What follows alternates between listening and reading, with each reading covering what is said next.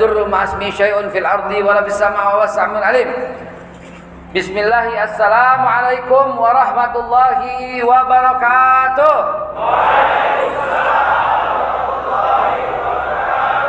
Alhamdulillah. Alhamdulillahi wahdah.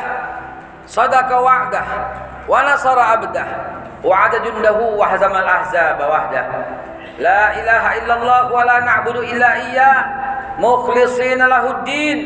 ولو كره الكافرون ولو كره المشركون ولو كره المنافقون. اللهم صل وسلم على سيدنا وحبيبنا وشفينا ومولانا وزورنا وكرة أعيننا سيدنا محمد.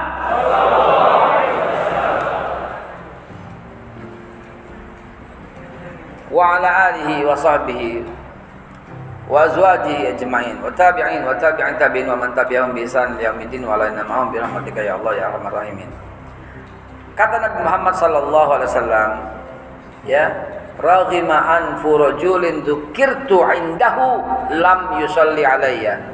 Tahu enggak orang yang rendah, hina, kecewa? Siapa?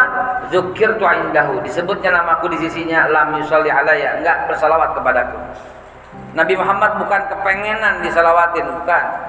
Tapi kalimat itu menunjukkan bahwa perintah yang Nabi lakukan berselawat kepadanya sebagaimana wa ma yantiqu 'anil hawa in huwa illa wahyu yuha itu Allah Subhanahu wa taala yang perintahkan salawat dulu. Ya Suci Allah mukhalafatul hawadis dari makhluk perbuatan atau contoh makhluknya. Karena itu Allah perintahkan salat. Allah nggak pernah salat, mana mungkin? Kepada siapa? Allah perintahkan berdoa, Allah nggak berdoa. Dari mana? Memang, memang Allah berdoa kepada siapa? Allah perintahkan zakat, Allah nggak berzakat. Semua milik Allah. Allah perintahkan puasa, mukhalafatul hawadis mustahil Allah lakukan. Allah perintahkan haji, Allah nggak pergi haji. Kan dunia semua berada dalam genggamannya. Cuma satu perbuatan di mana Allah perintah tapi Allah sendiri melakukan cuma satu-satunya apa itu? Salawat kepada Nabi Muhammad sallallahu alaihi wasallam. Innallaha wa malaikatahu yusalluna 'alan nabi. Sesungguhnya Allah dan para malaikat bersalawat dulu pada Nabi baru ya ayyuhalladzina amanu sallu alaihi wa sallimu taslima. Maka saya bilang top begitu. Sebut sambut dengan salawat jangan diam aja. Yang diam-diam aja, diam doang, diam doang. Enggak, enggak, enggak ngapa-ngapain, cuma diam dengar nama Nabi disebut. Rahimaan furujulin. Rendah, hina, kecewa. Matinya jangan-jangan sul khotimah apalagi mencela la ilaha illa anta subhanaka inni kuntu minadh dhalimin dan cukup dalam termasuk kategori mencela menghina orang-orang yang meremehkan cucu-cucu Rasulullah di akhir zaman ini saudara apalagi mengorek-korek mencari-cari kesalahannya sadarlah sadarlah sebelum sul khotimah menghampiri antum sebelum sul khotimah menghampiri anda ini alim ulama kalau punya salah kita tutupin aib itu presiden salah tutupin, pemimpin salah tutupin. Bener pak, saya ngomong ini aib, nggak boleh diumbar. Temen aja nggak boleh, apalagi pimpinan. Panglima apa semua tutupin kalau salah, jangan diumbar. Kemarin tuh Pangdam DKI itu ya, Kuan Pusakum, Anfusikum, Anfusakum, Anfusikum, Anfusakum itu dihina di sosial media. Bukan saya ngomong apa-apa, nggak boleh dihina pak. Walaupun salah itu, masya Allah, tisu kok kira makanan.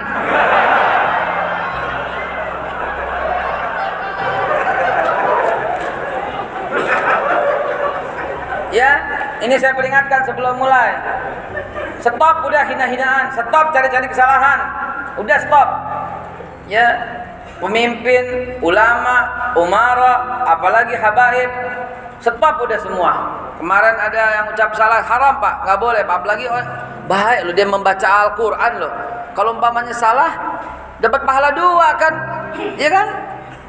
Yang betul malah satu pahalanya. Itu udah salah berarti sungguh-sungguh. Kemudian salah. Allah aja menghargai dengan pahala yang banyak. Eh kita mak nyala-nyalain nyinyir-nyinyir di sosial media. Jangan dong saudara ya. Jangan. Tangannya udah nyinyir. Nah, istighfar kepada Allah ya. Hadirin dimulakan Allah Subhanahu wa taala. Tadi sebagai pengantar saja, jangan sampai terjadi di negara ini. Karena apa? Karena apes sial seluruh bangsa. Kenapa? Karena ulama warasatul anbiya. Ulama itu pewaris para nabi. Pakunya bumi itu adalah ulama. Yang membuat bumi stabil itulah para ulama. Yang membuat amar ma'ruf nahi munkar hilang, maksudnya amar ma'rufnya itu tetap munkar kemungkaran itu hilang adalah para alim ulama. Kenapa? Karena kalau kemungkaran merajalela binasa, Pak. Iza zaharatil ma'asi fi ummati ammahumullahu bi'azabin min indi. Kalau maksiat berkembang di kalangan umatku, maka azab Allah akan turun secara merata dan tidak ada maksiat yang lebih besar daripada menebarkan fitnah dan yang difitnah adalah para alim ulama. Tidak ada fitnah yang lebih besar dari itu, Saudara. Katanya fitnah lebih jahat daripada pembunuhan dan lebih jahat lagi udah membunuh fitnah yang dibunuh lagi coba La ilaha illa anta subhanaka inni kuntu minadz Ada yang kayak begitu? Enggak ada. Ini contoh misalnya ada. Waduh.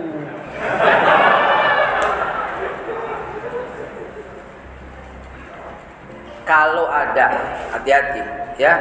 Pengadilan manusia bisa lolos, tapi pengadilan akhirat nggak bakal lolos. CCTV bisa rusak, CCTV Allah nggak bakal rusak. Iya. Mana bisa CCTV Allah rusak? Mana bisa? Nggak pernah rusak CCTV Allah. CCTV orang bisa rusak. Bisa rusak. Rusaknya pas jamnya, harinya, tanggalnya, tahunnya pas. Tapi CCTV Allah tidak bisa rusak. Demi Allah saya menyampaikan ini dengan rasa cinta. Dengan rasa sayang. Dengan rasa di dunia. Karena kalau di akhirat nggak bisa lagi. Kata Krise ketika apa? tangan Hah? Lo apa sih nggak apa ya apa ya apa sih lagunya apa? Yang ya begitulah pokoknya. Ya, di mana mata jadi saksi mulut jadi saksi tangan kaki jadi saksi ya Nauzubillah itu ya Allah jaga. Jaga jaga. Ini karena sayang karena cinta. Hati-hati. Di dunia kita peringatin tugas kita sebagai dai itu ngingetin. Ya jangan dibikin marah. Wah lapor. Saya perhatiin yang megang HP nih nah. Nah. Nah. Foto dulu ah. Hadirin yang dimulakan Allah, mari kita masuk materi. Pembukaannya sudah, kita masuk materi. Bismillahirrahmanirrahim. Kenapa Nabi Muhammad Sallallahu Alaihi Wasallam mengatakan kalau maksiat berkembang di kalangan umatku maka azab Allah akan turun secara merata. Ibnu Abbas radhiyallahu an, nama lengkapnya Abbas bin eh, Abdullah bin Abbas bin Abdul Muthalib. Lihat binnya berarti satu kakek sama Nabi Muhammad Sallallahu Alaihi Wasallam. Apalagi namanya Abbas. Abbas saudaranya Abdullah. Gitu. Abdullah punya anak Muhammad Sallallahu Alaihi Wasallam. Abbas punya anak Abdullah. Ya, Abdullah bin Abbas bin Abdul Muthalib. Ini Muhammad bin Abdullah bin Abdul Muthalib. Maka ini sepupunya Nabi. Kalau Abbas pamannya Nabi. Kalau Abdullah bin Abbas sepupunya Nabi. Ini yang paling jago dalam mentafsirkan hadis. Apa kata Ibn Abbas? Yang dimaksud azab dari atas adalah diangkatnya pemimpin yang zalim dan dari tangan yang menindas kalian. Yang dimaksud azab dari bawah ya adalah rakyat yang gak sabar, yang terus berantem, ya marah-marah dan ngata-ngatain pemimpinnya. Ini nggak boleh juga, ini azab juga, saudara. Dan yang dimaksud azab dari kiri kanan kata Ibnu Abbas adalah di antara kalian tidak ada rasa persatuan, saling bermusuhan dan saling merasa untuk mengambil pengaruh. Kira-kira tiga-tiganya hampir terjadi apa udah terjadi? Yang bilang udah siapa tuh? Catat, catat, catat. Top. Hadirin yang dimulakan Allah Subhanahu wa taala, inilah topik kita. Lalu bagaimana menghentikan ini semua? Maka sesuai dengan jadwal yang disampaikan panitia, saya sendiri baru dapat barusan jadwalnya. Bagaimana tauhid kita? Karena dengan lurusnya tauhid, semua tuh bakal hilang, Pak. Otomatis, Pak.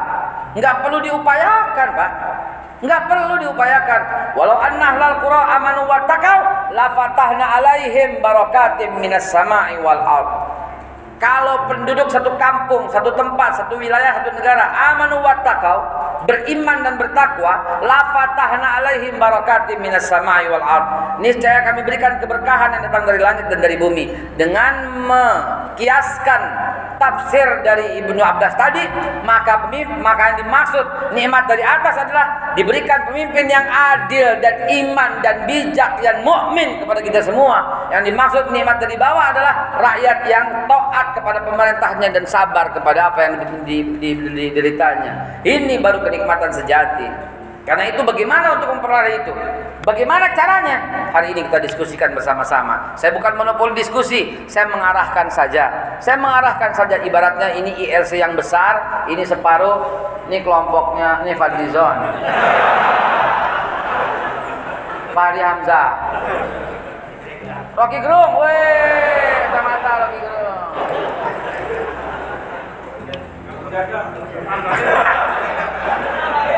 Aikal Hasan ya ini kelompok ini. Guntur Romli. Ade Armando. Denny Siregar. Emang suka diajak ya dia? Jarang gua rasa ya. Uh, Ibu Irma. Cania Irma Cania di belakang tuh ya. Eno Warisman di sini gitu ya. Kenapa disebut-sebut Ustaz nggak apa-apa saudara kita. Emang disebut tuh kehinaan? Tidak saudara. Nah ini dia nih salah kaprahnya kita. Alhamdulillah ya Allah. Tinggal gorengan deh. Masa gue makan. Saya sebut-sebut itu bukan berarti musuhan. Semua teman-teman saya yang saya sebut Pak Nusran Wahid, teman-teman cuman kalau dalam itu suka ya beda pendapat. Itu perbedaan pendapat itu rahmat loh. Kalau antum salah lihat itu musuhan, tidak ya istilah ummati rahmat, kasih sayang itu. Yang baperan itu yang suka lapor tuh baperan itu loh. Perbedaan biasa aja. Kenapa mesti jadi musuhan? Kenapa mesti jadi menyusahkan? Kenapa demen dia saudaranya susah? Kenapa bongkar aibnya? Nggak boleh saudara. Ya, ini saudara kita ya. Maka kita anggap saya cuma menjadi moderator tentang apa dampaknya. Begini saudaraku yang dimuliakan Allah Subhanahu wa taala. Di gelas ini ada kotoran, banyak kotoran nih.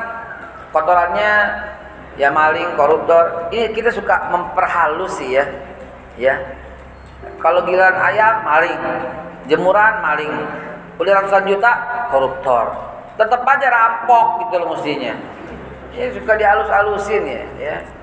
Nah, ini kotor ini. Kotor Caranya terbaik itu adalah dengan memperbanyak airnya sehingga kotorannya keluar otomatis. Ilustrasi itu yang akan saya bawa sekarang. Mari luruskan tauhid, tegakkan yang hak, jalankan sunnah. Maka itu musuh Islam akan takut lari terkencing-kencing dengan umat Islam. Kalau ada musuh Islam itu. Demi Allah yang memegang jiwa ini saudaraku Allah akan berikan rasa takut pada hati orang-orang yang memusuhi Islam Kalau seandainya umat Islamnya Tegar tauhidnya Jalankan sunnahnya Maka semua akan menjadi Ya Rabb Innal izzata lillahi jami'an Ma'asirul muslimin Ujumratal mu'minin Rahimakumullah Dahulu Kita masuk materi ya Tentang tauhid ya Dahulu Yang namanya Namrud laknatullah alaih. Dia tuh penyembah berhala sejak awal. Ya, penyembah berhala sejak awal. Ketika Namrud menyembah berhala, Nabi Ibrahim sudah ada. Silahkan dicek di kitab Ibnu Katsir. Sebelum kemarin saya baca dulu sebentar. Judulnya Qasasul Anbiya.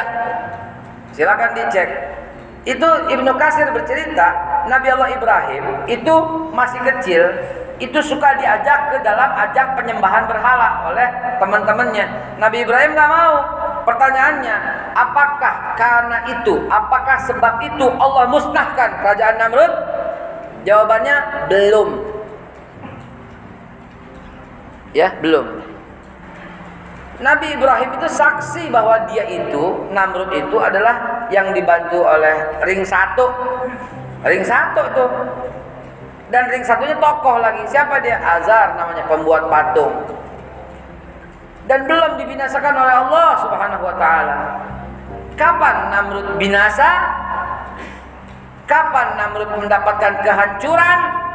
ketika coba-coba membakar Nabi Ibrahim. Betul? Langsung.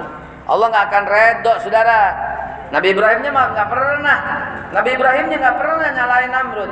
Nabi Ibrahimnya nggak pernah maki-maki atau memberikan kata-kata yang buruk pada Namrud. Tapi Allah Subhanahu wa taala yang marah ketika utusannya diganggu, dibakar, Saudara. Di zaman itu, di zaman itu antum hidup pada zaman Nabi Ibrahim. Kalau lo ikut Ibrahim, lo ikut dibakar. Kalau lo ikut Namrud, dapat fasilitas, dapat seragam. dapat duit banyak, berkeping-keping emas. Pilih mana?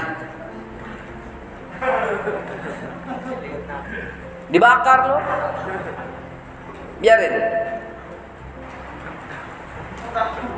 Kenapa keringetan begitu? Nah ini tauhid. Ini tauhid. Atau gini deh, ente deh, netral aja deh. Netral aja, nggak usah ikut Namrud, nggak usah ikut Ibrahim, netral aja. Iya. Yeah. Netral aja. Iya. Yeah. Iya. Yeah. Hah? Iya. Yeah. Nggak dibakar, nggak dapat uh, nggak nggak nggak dekat dengan Namrud, nggak dapat fasilitas, nggak dapat jabatan, nggak dapat apa-apa, tapi nggak dibakar juga. Iya. Yeah. Ya. Yeah.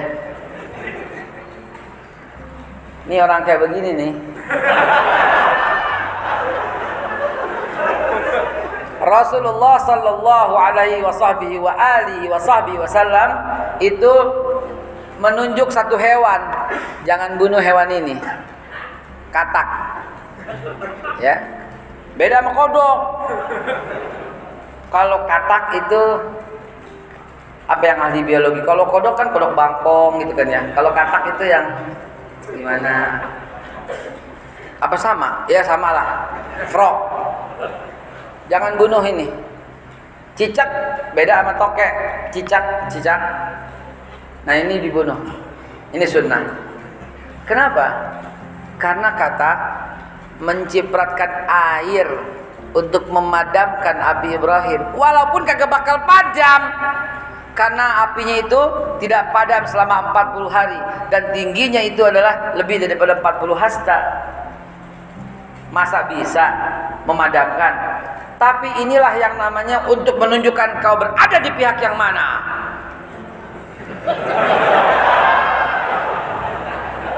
Sementara cicak itu meniupkan api supaya makin besar. Sementara yang lain berlaku diam. Bukan saya berkata jadilah katak, bukan. Dengan gue gakwa dulu sebentar. Alhamdulillah. Tinggal gorengannya aja belum ya. Kosong banget romannya di mari. Saudara sekalian, paham maksud cerita ini? Dalam ini cerita saudara. Tauhid ini. Tauhid ini menunjukkan keberpihakan. Diam itu munafik. Nggak ikut pertempuran. Antum lari dari peperangan. Hari ini kita sedang perang, perang opini. Hari ini kita lagi perang, saudara, perang opini. Lalu antum berkata, saya nggak ikut-ikut deh, saya nggak di sosial media deh, saya nggak deh. Mana bisa, saudara? Di saat umat Islam jadi bulan-bulanan orang jahat, memberikan opini-opini jahat kepada umat Islam di sosial media. Habib dikatain, Habibana digambar mukanya dengan diganti dengan babi, dikasih badan telanjang, digambarin dengan macam-macam. Ini opini, saudara, yang membuat orang semakin membenci dikatai dipotong kalimatnya dirubah kata-katanya. Saya sampai difitnah. Nggak pernah tuh menyuruh orang halal jihad tiba-tiba dipasangin haikal yang suruh sampai berurusan lagi dengan baras krim. Udah dites suara saya di baras krim. Ini saya ngomong apa adanya aja. Capek difitnah terus-terusan begini. Sekarang mimpi dilaporin kemarin kentut dilaporin. Apa sih apa ini begini gitu loh. Ya Rob hanya kepada Allah kita berharap untuk segera selesai permasalahan ini semuanya. Amin ya Allah ya Rabbal alamin. Hadirin dimulakan Allah Subhanahu wa taala. Ini penting. Antum berada di pihak mana?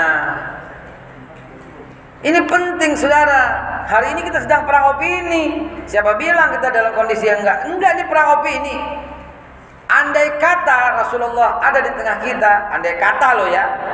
Ini kalau bilang Rasul tengah kita, panggil lagi ke polisi. Andai kata Rasulullah ada di tengah kita, kira-kira apa yang Rasulullah suruh? Jadi diam aja deh, gitu? Gitu nggak kira-kira? Nggak mungkin, saudara, nggak mungkin. Karena salah seorang sahabat Rasul wafat, namanya Umair. Umar ini yang menitipin surat Nabi kepada Raja Heraklius itu wafat di tengah jalan terbunuh. Ya Rob, Nabi marahnya kayak apa? Dia kerahkan 20 ribu pasukan untuk menuntut balas satu sahabat Nabi yang wafat. Dan meletuslah perang yang dahsyat namanya perang Mu'tah. Disambut dengan 300 ribu pasukan Romawi bergabung dengan pasukan Yahudi. Nabi 20 ribu. Disikat habis itu tunggang langgang itu mereka semua. Satu yang terbunuh saudara. Hadirin bukan Allah Subhanahu wa taala. Andai kata Nabi Muhammad ada di tengah kita saat ini dan melihat kondisi kayak begini kira-kira itu kayak apa gitu loh. Oke lah kita turunkan lagi lah. Andai kata ada Imam Syafi'i rahimahullah di depan kita sekarang kira-kira fatwa apa yang kuat dari Imam Syafi'i? Turunkan lagi sedikit deh. Andai kata Hadratus Syekh Hashim Ash'ari ada di tengah-tengah kita sekarang dan melihat kondisi kayak begini, apa kira-kira yang dilakukan? Untuk kaum Nahdiyin, Nahdlatul Ulama, kira-kira apa yang beliau sampaikan, Mbah lakukan itu apa kira-kira? Bayangkan coba. Ini saya sebut ulamanya ulama. Saya sebut tokohnya tokoh yang masyhur fis sama masyhur fil ardi beliau itu mereka semua ya yang masyhur fis sama masyhur fil ardi kira-kira kira-kira apa coba ya. banyak sekali fatwa-fatwa beliau yang dahsyatnya luar biasa sampai keluar resolusi jihad tanggal 22 bulan Oktober tahun 1945 Resolusi jihad yang dikeluarkan apa? Syahid orang yang bela negara kata Hitatus Syekh Hasyim Asy'ari. Ya, kaum Nahdiyin saya termasuk di dalamnya ini harus kembali menghidupkan ajaran-ajaran daripada Hadratus Syekh Hasyim Asy'ari. Biar kita lihat, kita lihat poin-poinnya itu apa, pointer-pointernya beliau itu apa. Takjub kita dengan dahsyatnya ilmunya. Hadirin dimulakan Allah Subhanahu wa taala. Itulah pada zaman Nabi Allah Ibrahim sampai katak saja berkontribusi ya harus itu dan yang di luar itu kafir singkat cerita kita masuk ke zaman Nabi Allah Musa alaihissalatu wassalam Fir'aun laknatullah ya ini orang udah jadi merasa seperti Tuhan saat Nabi Musa masih di ayunan, betul salah? Betul? Betul kan? Nabi Musa ini lagi diayunin, lagi dianyutin di kali. Itu Fir'aun udah ada dan udah dajjal. Udah togo, togo berlebihan. Udah mengaku dirinya Tuhan. Ana rabbukumul a'la. Udah binasa belum? Belum. Sama cerita saya di awal, Nabi Ibrahim udah binasa belum? Belum. Kapan binasanya Ibrahim? Eh, maaf, kapan binasanya Namrud? Maaf, kapan binasanya Namrud? Ketika coba-coba mencelakai Nabi Ibrahim. Ini tolong diambil pelajaran ini bagus, bagus, baik nih. Biar kita bisa pelajaran bangsa ini akan rusak kalau ulama tersakiti, kalau habaib terzolimi. Nabi Musa itu masih kecil, itu Fir'aun udah ngaku Tuhan, belum dibinasakan oleh Allah. Kapan Fir'aun terbinasakan oleh Allah? Ketika coba-coba membunuh Nabi Musa dengan mengejarnya dan akhirnya terjadilah tragedi di laut, saudara. Nah ini pahami sekali lagi gitu loh. Jangan coba-coba mengganggu utusan Allah. Emang sekarang ada utusan Allah? Ya nggak ada. Ini kan kita ambil itibar, ambil pelajaran. Ya. Lagi, lagi. Nabi Allah siapa? Isa. Kita ambil ulu azmi deh. Nabi Allah Isa alaihissalatu wassalam. Itu pengikutnya sedikit dan yang namanya Herodus jahat sekali. Herodus pesan ayat, pesan fatwa, pesan fatwa. Zaman dulu ada pesan fatwa, ada Herodus pesan fatwa kepada Nabi Yahya alaihissalatu wassalam untuk boleh menikahi keponakan. Akhirnya apa? Nggak boleh. Akhirnya Nabi Yahya dipenggal. Gimana nggak zalim itu? Dan Nabi Isa sudah ada pada zaman itu. Melanjutkan kesalahan Nabi Allah Yahya. Melanjutkan agama Islam. Ya Pak, agama yang dibawa Nabi Isa apa? Islam.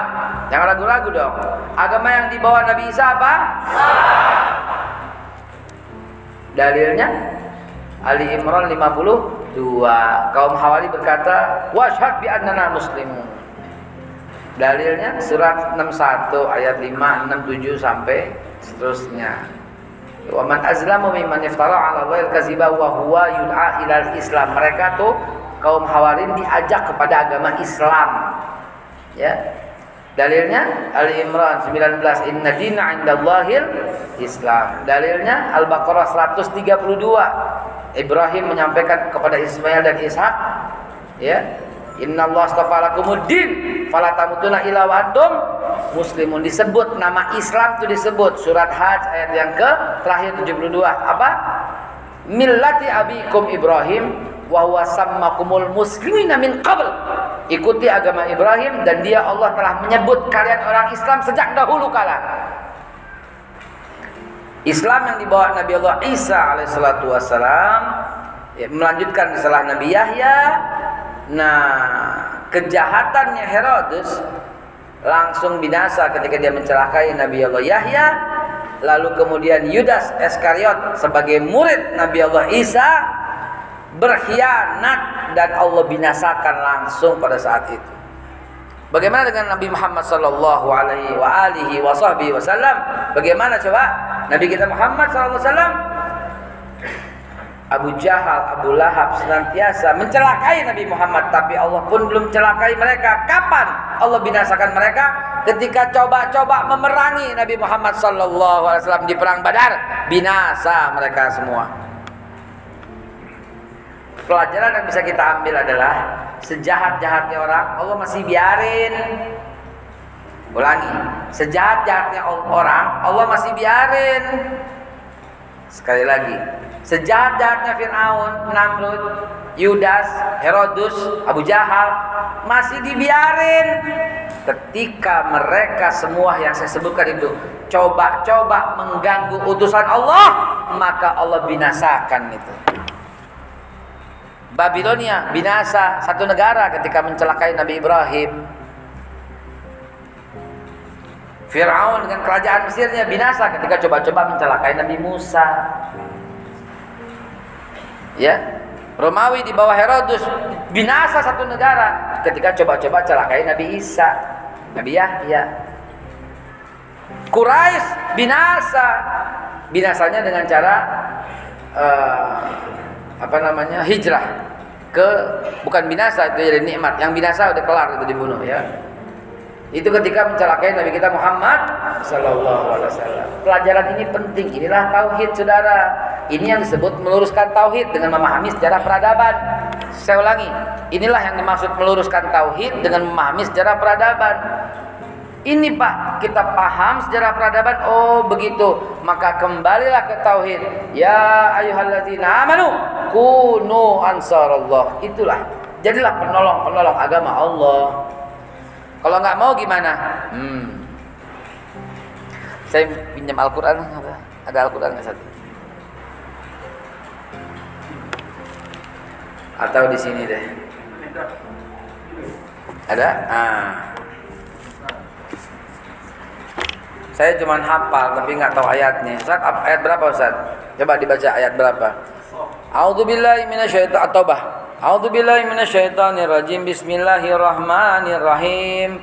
Ya ayyuhalladzina amanu malakum idza qila lakum unfiru fi sabilillah saqaltum alal ard araditum bil hayati dunya minal akhirah fama mata'ul hayati dunya fil akhirah illa qalil illa tanfiru yu'azzibukum azaban alima wa yastabdil qauman ghairakum wa la tadurruhu syai'a wallahu ala kulli syai'in qadir Infiru khifafan wa siqalan wa jahidu bi amwalikum wa anfusikum Zalikum khairul lakum in kuntum ta'lamun. Sadaqallahul azim. Surat Taubah ayat yang berapa? Coba. 41, 42, 43, 45, betul? Hati-hati, salah dibully netizen lo. Laporin polisi lo. Ustaz Haikal 41, 42, 44. 43 saya nggak baca tadi. Ustaz Haikal dilaporkan kenapa salah ayat.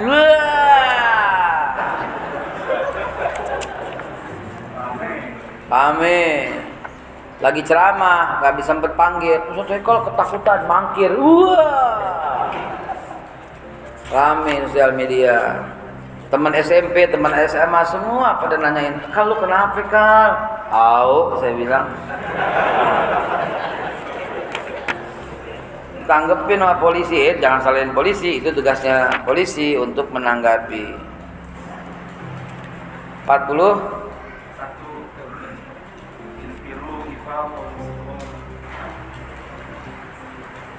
Nah, gitu ya. Mulai dari 30 mulai dari ya ayyuhalladzina amanu malakum idza qila lakum mulai dari 38 hai orang yang beriman kenapa? Malakum lakum unfiru fi ard. Kenapa ketika disuruh berjuanglah membela lah agama Allah turutlah berpartisipasi? Tolonglah ini. Tolong Nabi Muhammad. Kan buat menunjukkan kontribusi. Kalaupun antum nggak tolong Allah pasti tolong. Gitu kan gitu. Ah enggak Ustad kalau kita nggak usaha kita bakal kalah. Betul. Menurut pandangan ente loh Hamzah dibunuh dirobek. Jantungnya diambil digigit-gigit sama Hindun. Menurut antum Hamzah menang apa kalah? Kalah di sisi manusia beda dengan kalah di sisi Allah menang di sisi manusia juga beda menang di sisi Allah Hamzah itu menang bahkan surat Sof ayat yang terakhir unik sekali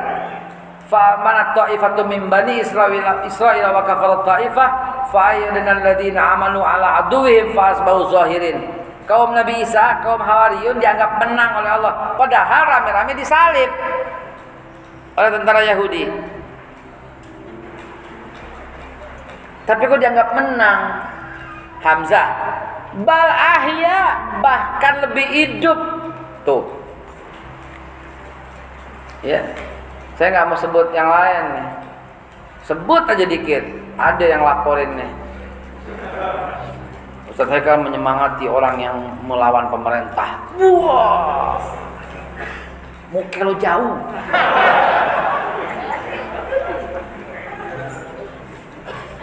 Kita ngomong begini karena kita cinta mati dengan pemerintah. Makanya kita ingetin, kita ngomong begini cinta mati dengan NKRI. Makanya kita ingetin jangan sampai NKRI berubah. Harga mati negara kesatuan Republik Indonesia itu udah kita cintai lahir batin. Jangan sampai terkoyak-koyak. Makanya kita ngomong begini. Makanya kita ajak bahwa amar ma'ruf nahi munkar itulah terbaik. Lah Ustadz Amerika nggak kenal Pancasila juga makmur heh Amerika memang nggak kenal Pancasila, tapi ketika ada satu orang negro terbunuh, satu negara ribut dan dituntut ke pengadilan. Di sini enam belum apa-apa, saudara. Siapa yang lebih Pancasilais? Kalau kita cinta Pancasila nggak begini, saudara. Ya, Amerika tuh Satu waktu zaman pemerintahan Paul Keating dari Australia, ya Paul Keating di Australia, salah satu menterinya luar negeri sedang melakukan perjalanan ke Inggris naik pesawat Kantas. Ya, ini saya kasih tahu nih betapa Pancasilaisnya Australia. Satu orang perdana menterinya di zaman Paul Keating itu melakukan perjalanan ke Inggris. Dia naik pesawat Kantas. Dia naik ekonomi. Dia naik ekonomi. Nah, saudara, pilotnya tahu ada menteri luar negeri naik pesawat. Kenapa naiknya nggak di bisnis? Karena ini urusan pribadi. Dia mau kunjungin keluarganya, anaknya yang ditinggal sekolah di Inggris. Saya lupa tuh nama perdana eh, menteri luar negerinya itu. Akhirnya karena nggak enak ada menteri duduk di ekonomi di belakang, pilotnya turun ya, dari kursi pilotnya setelah stabil ya. Kemudian dia ajak duduk di depan. Katanya mau ada yang mau ngobrolin, ngobrol lah di depan. Ada wartawan iseng di foto, jebret, kemudian besok masuk koran. Malu menteri luar negerinya dan langsung mengundurkan diri sebagai menteri luar negeri. Kenapa? Karena nggak diterima, nggak boleh begitu. Nggak nggak terima duit, nggak nggak nggak nggak nggak bikin plastik, nggak bikin karung, nggak nggak nggak nggak. Malu itu menteri, nggak bantu, nggak nggak nggak apa nggak nyatut duit bansos, nggak. Cuman duduk di depan, duduk di depan dari belakang, duduk ke bisnis. Diadili dulu. Kenapa mundur? Kenapa begini? Dia malu. Kenapa? itu rakyat Australia berkata takutnya ntar nggak bisa berlaku adil. Kenapa? Karena mendapat kenikmatan. Cuman urusan bangku pak dari ekonomi masuk ke depan katanya mendapat kenikmatan. Tahu? Apalagi di zaman Imam Ahmad, Imam Ahmad ibn Hambal, seorang wanita. Nih lihat ya, seorang wanita di Imam Ahmad ibn Hambal Ketika Imam Ahmad ibn Hambal lagi lewat di kampung itu kebetulan wanita tua ini berkata, "Wahai Imam, saya mau bertanya satu urusan yang penting kepadamu." "Apa Ibu?" kata Imam Ahmad ibn Hambal. "Aku sehari-hari ya membuat roti, membuat tepung. Sejak ayahnya meninggal anak-anak dan nggak ada penghasilan, maka aku malah membuat anyaman. Kain dianyam lalu dijual." Itu yang ibu nenek-nenek itu bisa. Namun karena miskinnya dia nggak punya lampu tempel. Jadi kalau malam dia nggak bisa kerja.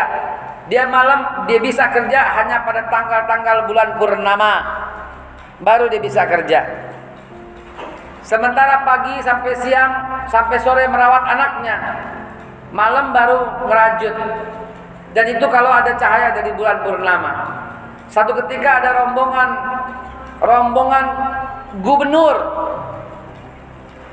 ya rombongan gubernur lagi singgah ke desa itu dan dia bikin tenda dan ada apinya ada lampunya ada lampu tempel lampu minyaknya dan cahaya itu menerangi rumah ibu ini dan ibu ini membuat merajut dan dia bertanya pada Imam Ahmad wahai Imam saya telah meminta cahayanya dari dia saya takut yang saya usahakan ini haram. Apa hukumnya? Coba, coba. Sampai kayak begitu itu zaman. Si ibu itu bertanya pada Imam Ahmad ibn Hambal, Imam Hambali, halal nggak dia tuh? Karena dia mendapat lampu itu. Saudaraku sekalian, Imam Ahmad bin Hambal belum menjawab dia perhatikan ibu ini. Luar biasa. Ibu kata Imam Ahmad ibn Hambal, siapa ibu namanya? Dia sebut dia namanya, ternyata dia adik kandung sang gubernur.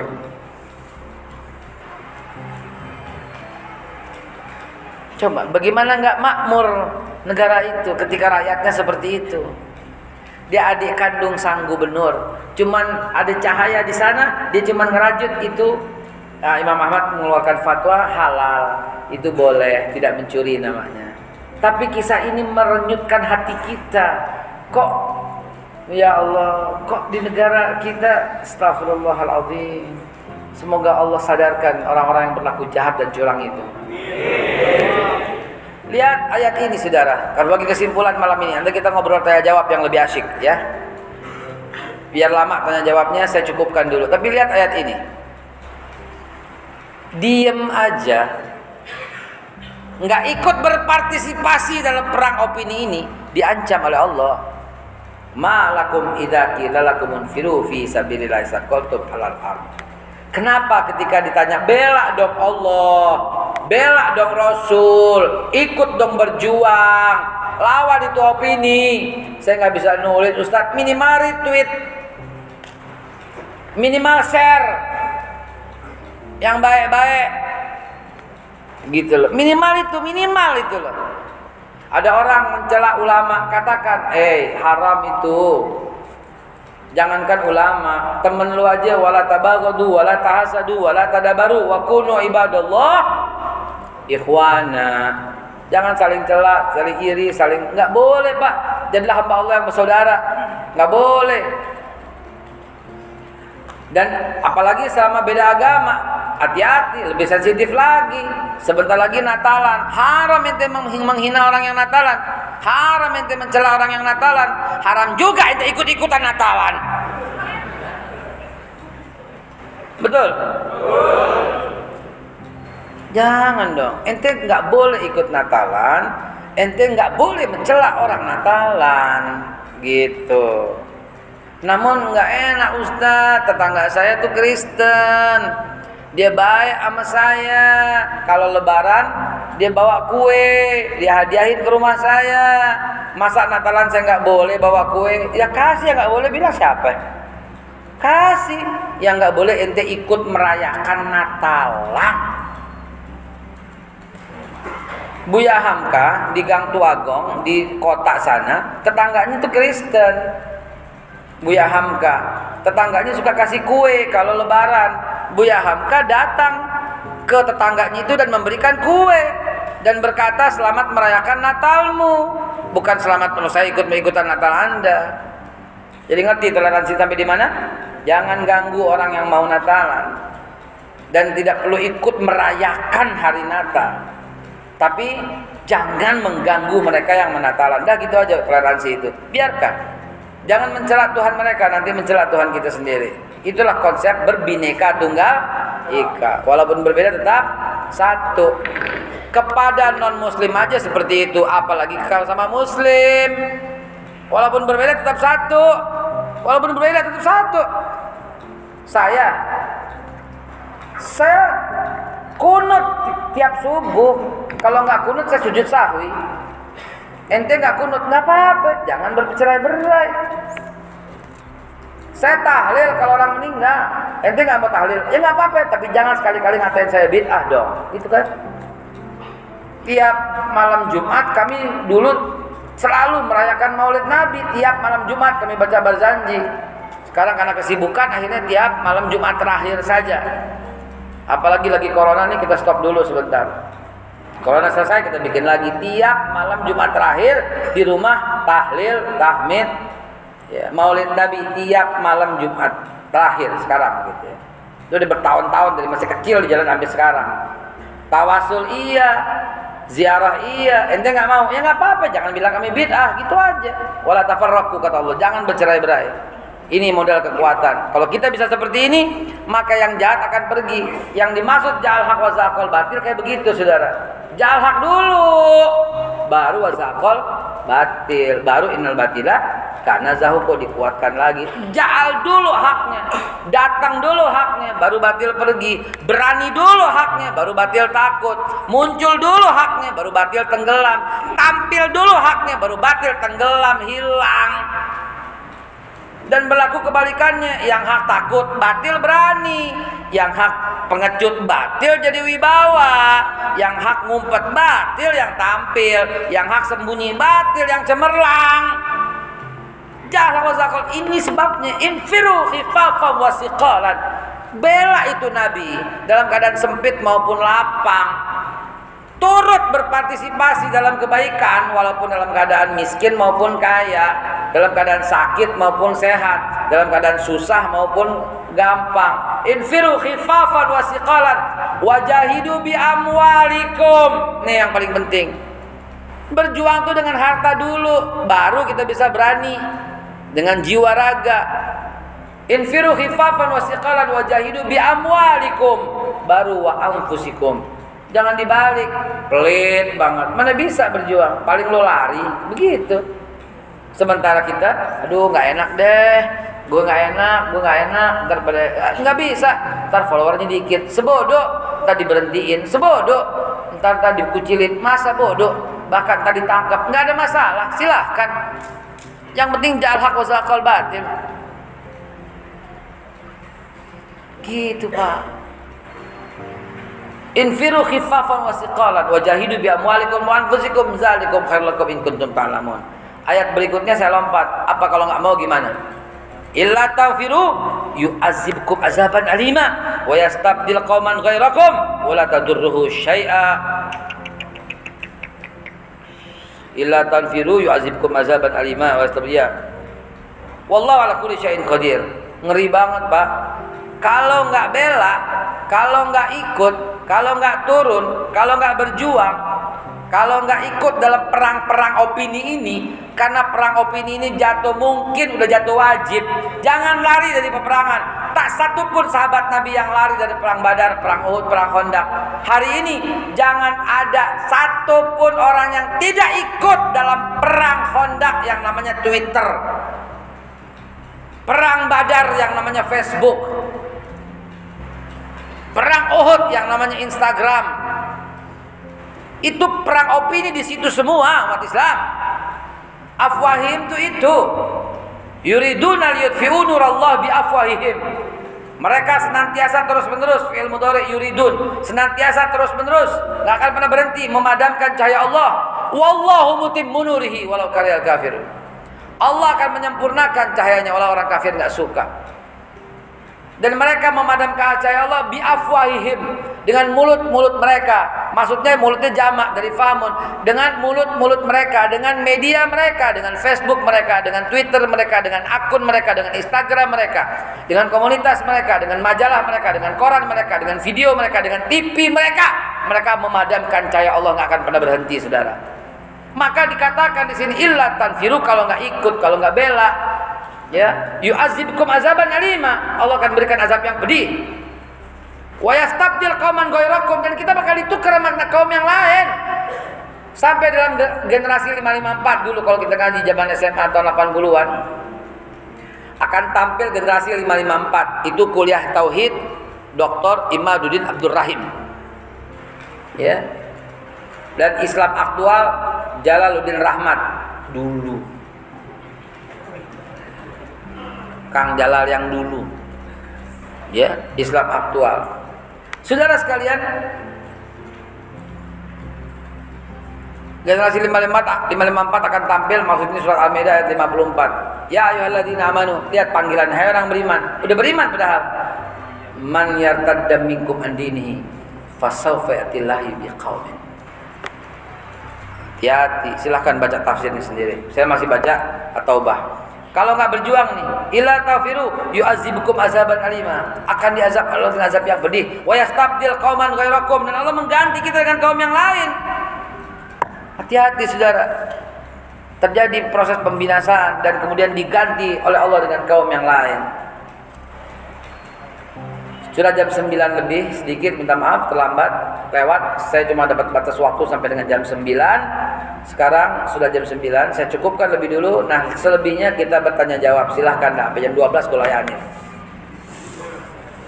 Sadaqallahul azim wa sadaqa rasulun nabil karim wa nahnu ala zalika minasyahidin walhamdulillah rabbil alamin. Silakan Ustaz dibantu operator di moderatori silakan. Bismillah. Alhamdulillah rabbil alamin kita sudah mendengarkan penjelasan paparan dan pujian dari beliau Habib Kalasan.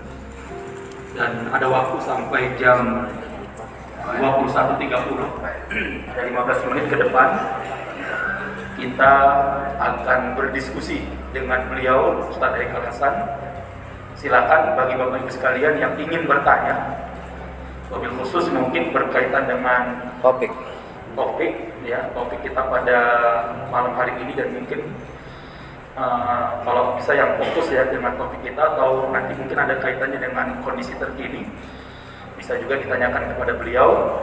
Dan sebelumnya, sebelum kita buka tiga pertanyaan pertama, tiga penanya pertama, uh, bagi panitia untuk kembali mengejarkan kota infak yang mungkin masih ada para ikhwas sekalian yang tadi belum sempat untuk memasukkan infaknya di kota infak karena tadi sudah disebutkan ya dalam Al-Quran Allah lebih mendahulukan kalimat jihad di amwalikum qabla anfusikum itu menunjukkan bahwa jihadul mal adalah merupakan jihad yang sangat utama sebelum kita jihadul anfus. Bagi panitia silahkan kembali untuk mengedarkan kata infaknya dan mari kita berinfak yang terbaik untuk diri kita nanti di yaumul kiamat.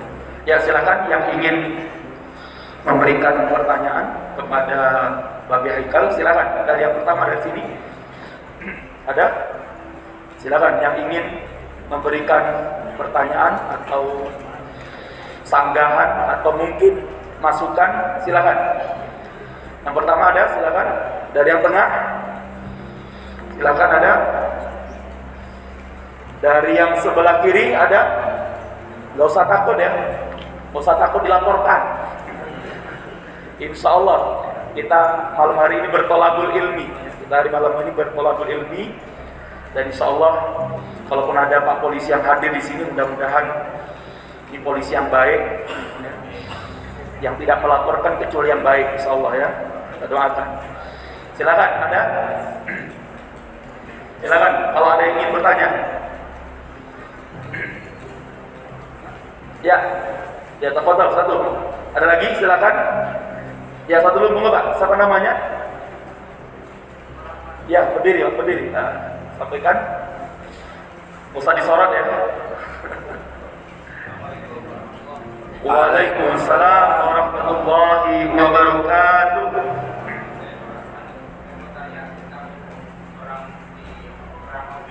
Ya. Bagaimana sikap kita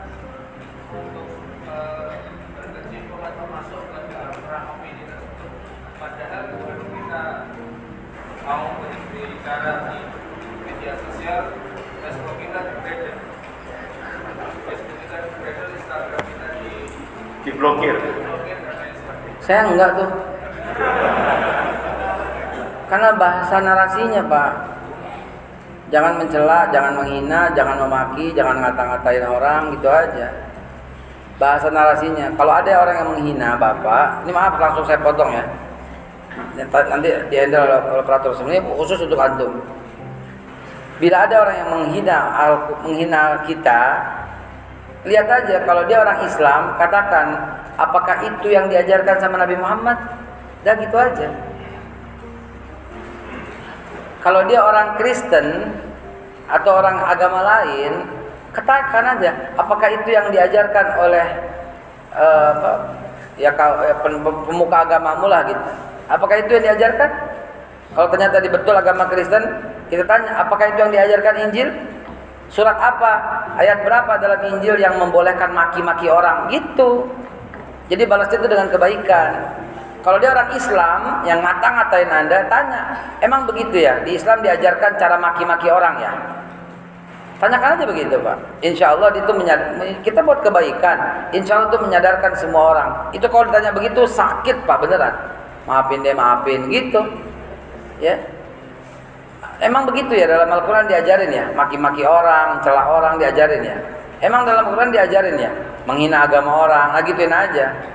Insya Allah biasanya tuh enggak sih begitu ya Ya, Toib, ada pertanyaan nih Babe. Silakan. Uh, bagaimana tadi uh, ya kita memang begini juga ya kita dalam konsep perang media ini memang pemilik media itu bukan bukan bukan kaum muslimin dan tentunya mereka biasanya memang telah membatasi kata-kata atau kalimat-kalimat ya. Misalnya kemarin kalau kita lihat uh, ketika Habib Rizik akan pulang, nah itu kalimat Habib itu aja langsung di uh, jadi tentunya memang uh, kita untuk untuk pinter memang di dalam perang media ini dan nanti mungkin Babi Haikal bisa memberikan trik itu bagaimana berpartisipasi dalam perang media. Jadikan tadi Twitter Anda sebagai perang badar Anda, Facebook sebagai perang apa? perang uh, Uhud. Kemudian di Instagram Anda sebagai perang hendak Anda. Silakan Babi mungkin bisa memberikan trik sih bagaimana kita berpartisipasi dalam perang media. Tepat Babi. Maaf, ulangi dulu Pak, ini lagi ada surat ini. Bagaimana kita berpartisipasi di dalam perang media? Trik terbaik ikut dalam perang narasi atau perang opini yang hari ini terjadi di tengah-tengah kita. Usil afwa wa'mur bil urfi fa'al anil jahilin. Tetap aja Pak, beri maaf kalau dia bersalah. Tetap aja seru kepada kebaikan dan bloklah orang yang bego. Wa'arid anil jahilin berpalinglah dari orang yang bodoh itu. Tapi tetap aja berbuat kebaikan dan peringatin dia lebih dulu. Husil afwa kasih maaf. Nggak usah tuntut balik kasih maaf. Husil afwa.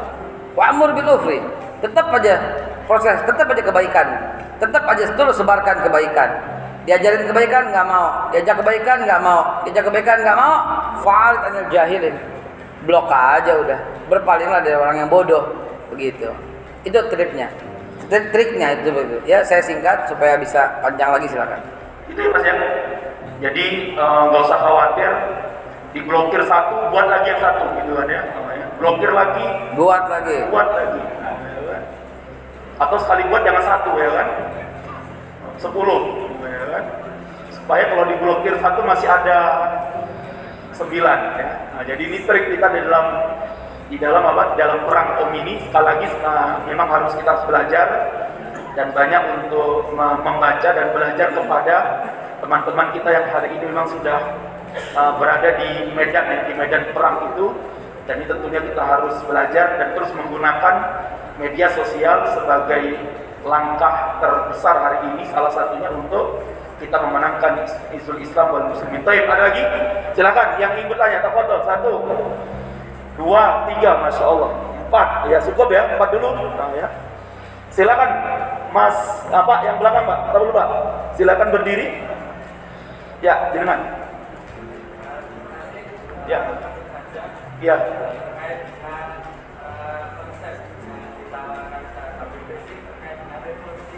ya.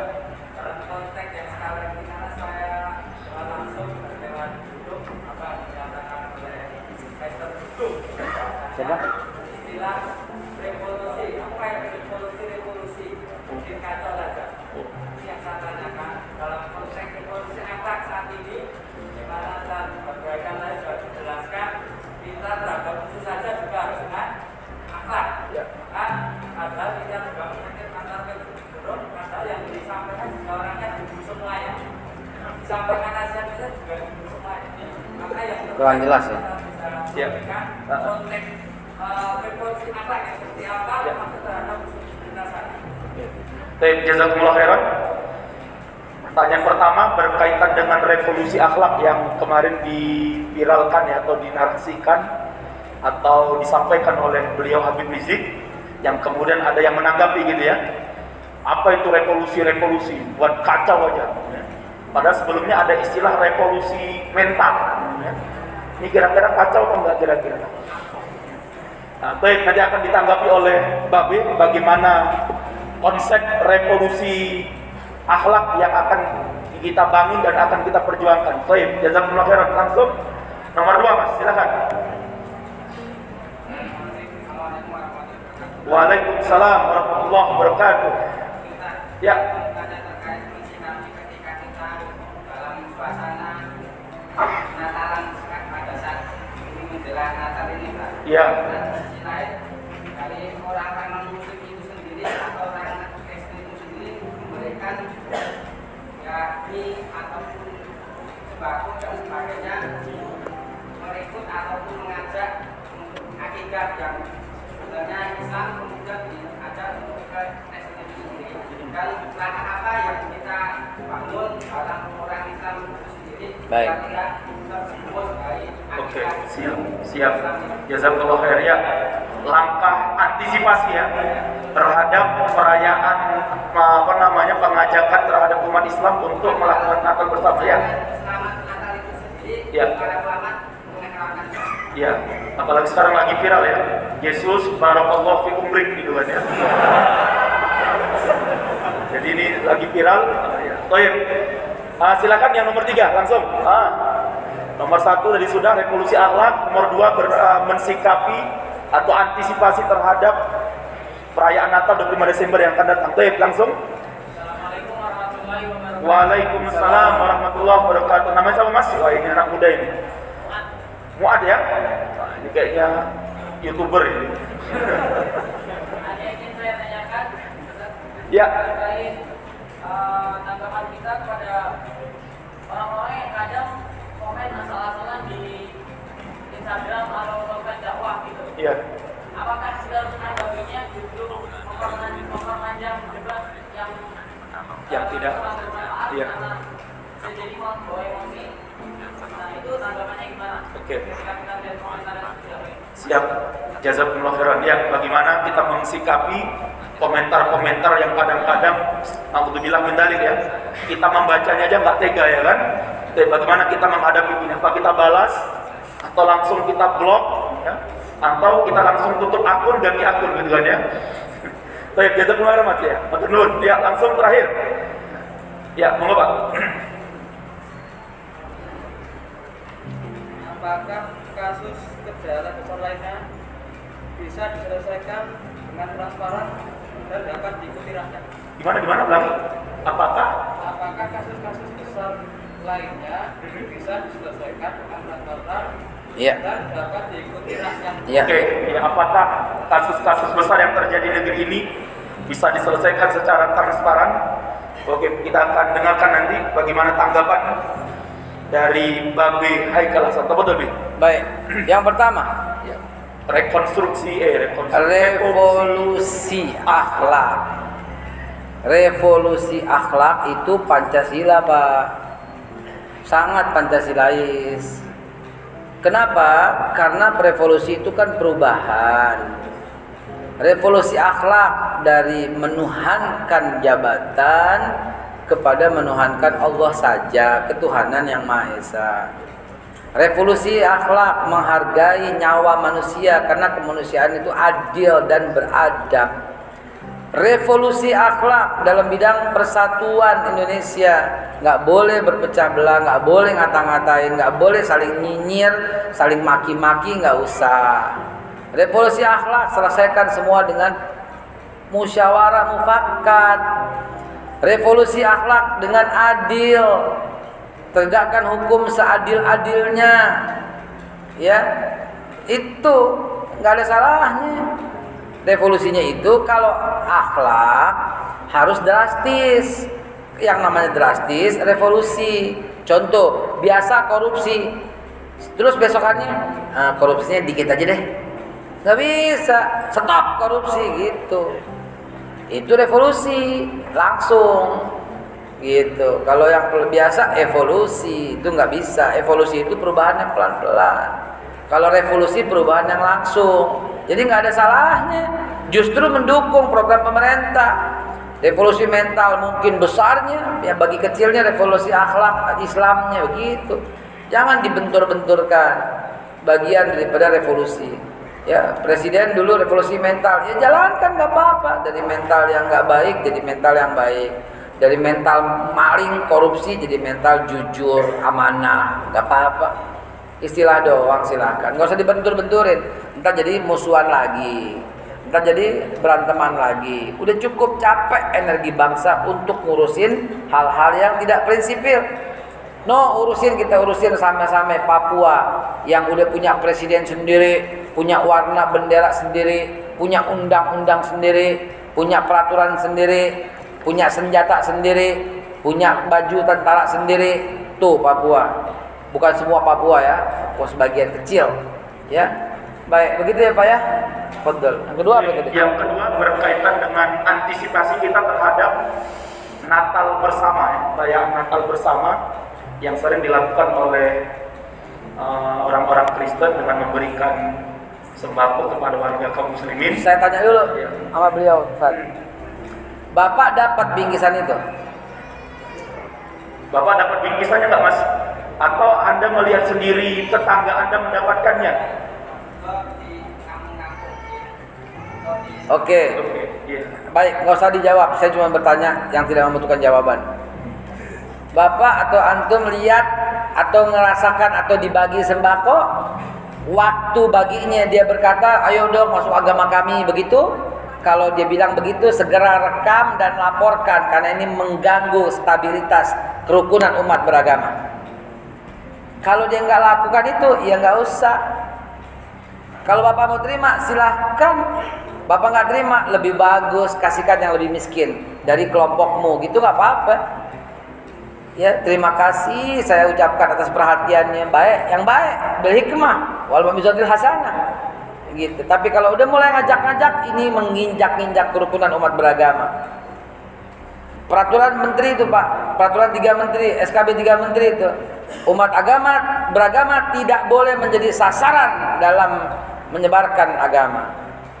Bagaimana sebegitu juga Islam tidak boleh ngajak rayu orang yang bukan Islam untuk masuk ke dalam Islam, apalagi maksa nggak boleh. Sampaikan aja kebaikan.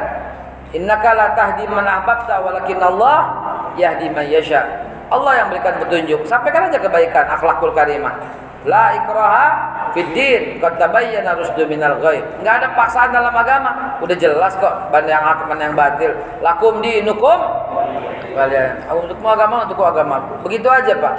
Ya kalau Bapak melihat seperti itu dan ada ucapan seperti itu, rekam, laporkan kepada aparat setempat, kepada polisi setempat. Percayakan laporan kepada polisi. Kalau antum nggak percaya polisi, percaya siapa dong? Ya, laporkan kepada polisi, laporan kepada lurah, terus eh, aparat keamanan setempat bahwa ini ada orang yang ngajak-ngajak orang pindah agama. Begitu ya Pak ya. Jangan takut dalam memberikan laporan. Allah besertamu. Amin ya Ya Allah. gitu ya. Jadi kalau nanti ada yang ngajak, bukan hanya tidak agama tadi kan, ngajak melaksanakan merayakan apa? Natal bersama lain. Kadang-kadang yang ngajak bukan orang Kristen ini. Justru yang ngajak justru orang apa? Orang Islam yang notabene jogernya adalah apa? Islam ini yang perlu kita pastikan apalagi mereka berdalilkan dalam surat Maryam bahwa Al-Quran saja mengucapkan selamat atas kelahiran Nabi Isa alaihissalam. Tapi perlu dipahami konteksnya hari ini bahwa tanggal 25 Desember itu bukanlah kelahiran Nabi Isa alaihissalam. Yang kedua perlu kita paham bersama dalam keyakinan kita kelahiran Nabi Isa itu adalah kelahiran seorang manusia yang diangkat oleh Allah sebagai seorang nabi dan rasul. Tapi dalam pandangan Kristen hari ini kelahiran tanggal 25 Desember itu bukanlah kelahiran Nabi Isa sebagai seorang nabi, tapi itu adalah kelahiran seorang apa? Anak Tuhan, son of God. Anak laki-laki dari Tuhan. Nah ini yang harus kita pahami bersama sehingga dan saya pernah tanya itu ya langsung dengan orang-orang Kristen ya. Saya tanya tanggal 25 Desember itu apa keyakinan kalian? Kata mereka 25 Desember itu adalah hari kelahiran anak Tuhan. Padahal kita sudah yakin setiap kali kita sholat, kita kadang sering membaca surat apa? Lam yalid walam yulad walam yakul lahu kufuwan ahad. Sebelum uh, pertanyaan yang ketiga dan keempat, uh, kami dari Aliansi Nasional Anti Syiah Jawa Tengah telah mengeluarkan apa namanya kalender yang kalender ini telah kita siapkan di dalamnya tanggal ya tanggal kita untuk melaksanakan uh, saum terutama ayam mungkin di mana Rasulullah pernah bersabda kepada sahabat Abu Darda kalau tidak salah saya atau Abu Dar ya. Kata Rasulullah Rasulullah mewasiatkan Habibi kekasihku Muhammad telah berwasiat kepadaku seumur hidupku jangan aku sekali-kali meninggalkan tiga perkara. Yang pertama adalah sholat malam meskipun hanya satu rakaat sholat witir. Yang kedua melaksanakan dua rakaat sholat duha dan yang ketiga adalah melaksanakan tiga hari puasa dalam setiap bulan yang kenal yang kita kenal dengan ayyamul bil tanggal 13, 14 dan 15. Maka di dalam kalender ini kita sudah tandakan itu tanggal-tanggalnya dan ini akan mempermudah kita untuk melaksanakan ayyamul bil dan seluruh infak dari uh, dari kalender ini akan kita dedikasikan untuk perjuangan dakwah kita di kota Solo dan Jawa Tengah insya Allah. Demikian dari kami kemudian kepada penanya yang ketiga B yaitu bagaimana kita mensikapi komentar-komentar yang tidak benar dan tidak baik di Instagram kita atau di Facebook kita atau di Twitter kita. Tepat Baik. Ayatnya sudah saya bacakan ya sebelumnya tadi. Uh, tetap aja kita berbuat baik dan maafin aja orang yang seperti itu. Kalau dibilangin masih ngeyel juga berpalinglah dari orang yang bodoh. Begitu. Itu itu udah patokan dari Allah. Dan Allah udah udah, udah kasih tahu mereka tuh nyinyir bapak tuh dapat duit. Emang ada ayat Facebook dalam Al-Quran? Ada Maksudnya bukan ayat Facebooknya ada, tapi orang-orang yang memfitnah, yang mencela, yang mengumpat, lalu mendapat fulus ada. Wailul likul lihumazatil lumazah. Celaka tuh orang yang mengumpat-ngumpat, mencela. Ya celaka. Terus kenapa? Dapat fulus. Wailul likul lihumazatil lumazah alladzi jama'a malahu yahsabu annama lahu akhladah. Dihitung-hitung fulus habis ngina orang. Dihitung-hitung duit habis mencaci, dihitung-hitung duit habis nyinyir. Ada yang kerjaannya orang begitu, ada. Ada pengangguran kerjaannya laporin orang dapat duit, ada. Ada. Pengangguran nggak ada kerjaan, kerjaannya ngelaporin orang lalu kemudian dapat duit dari orang yang nyuruh, ada. Ya ada, bukan tahun ini, tahun berapa tuh waktu itu tuh? Ya, zaman dulu. Ya Pak ya, santai aja menghadapinya. Doain aja supaya dia e, menyadari kesalahannya. Doain aja supaya kita tetap bersatu padu. Ya, karena Nabi Muhammad nggak pernah ngata-ngatain Abu Jahal. Karena Nabi Isa nggak pernah ngata-ngatain Yudas. Karena Nabi Musa nggak pernah maki-maki Fir'aun. Karena Nabi Ibrahim nggak pernah ngutuk-ngutuk daripada Namrud. Tapi ketika mereka coba sakitin Allah yang marah. Begitu, gitu ya. Alhamdulillah Rabbil Alamin. Ya, satu lagi yang terakhir, apakah kasus-kasus besar di negeri ini akan bisa diselesaikan secara transparansi? Wallahu a'lam.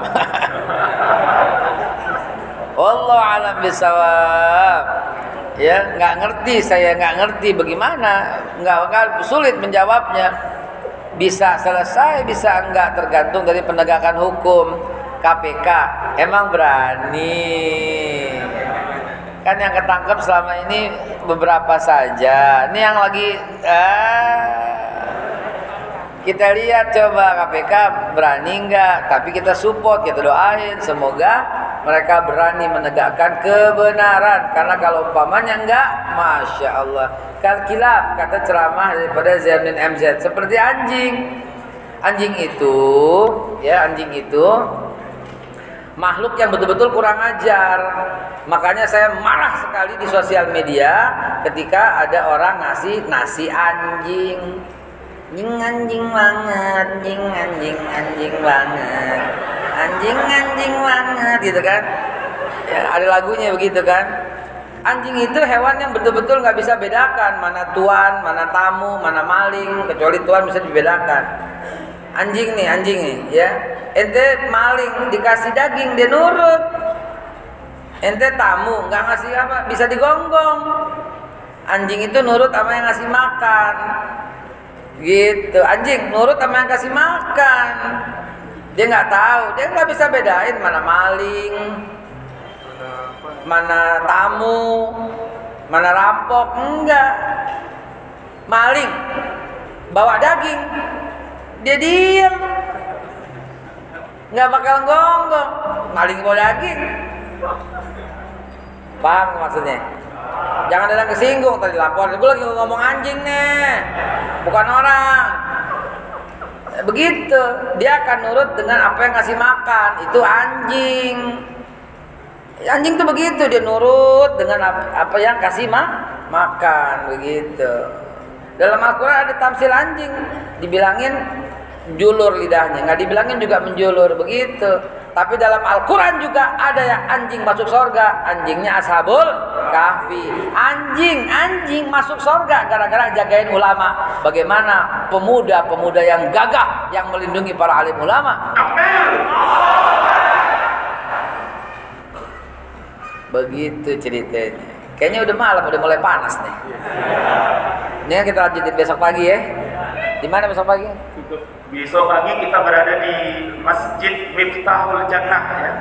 Silakan di Masjid Miftahul Jannah uh, Tugu Boto ya. Muslim Tulungagung. yang Silakan bagi mantu. para ikhwah yang di sini apa di berada di wilayah Solo Utara besok bisa merapat pada sholat subuh langsung di Masjid Miftahul Jannah di Colomadu uh, di daerah mana namanya? Klodran ya, daerah desa Klodran. Baik. Kemudian jam 7-nya di Masjid Al Hikmah dekat apa namanya? Wadi Cengklo ya, Wadi Cengklo, Wadi apa? Wadi Wadi Cengklo ya, yang dekat uh, yang arah mau ke uh, ke bandara itu lurus, nanti sebelah kiri itu ada Masjid Al Hikmah. Nanti kita di sana insya Allah uh, di waktu duhanya. Silakan bagi para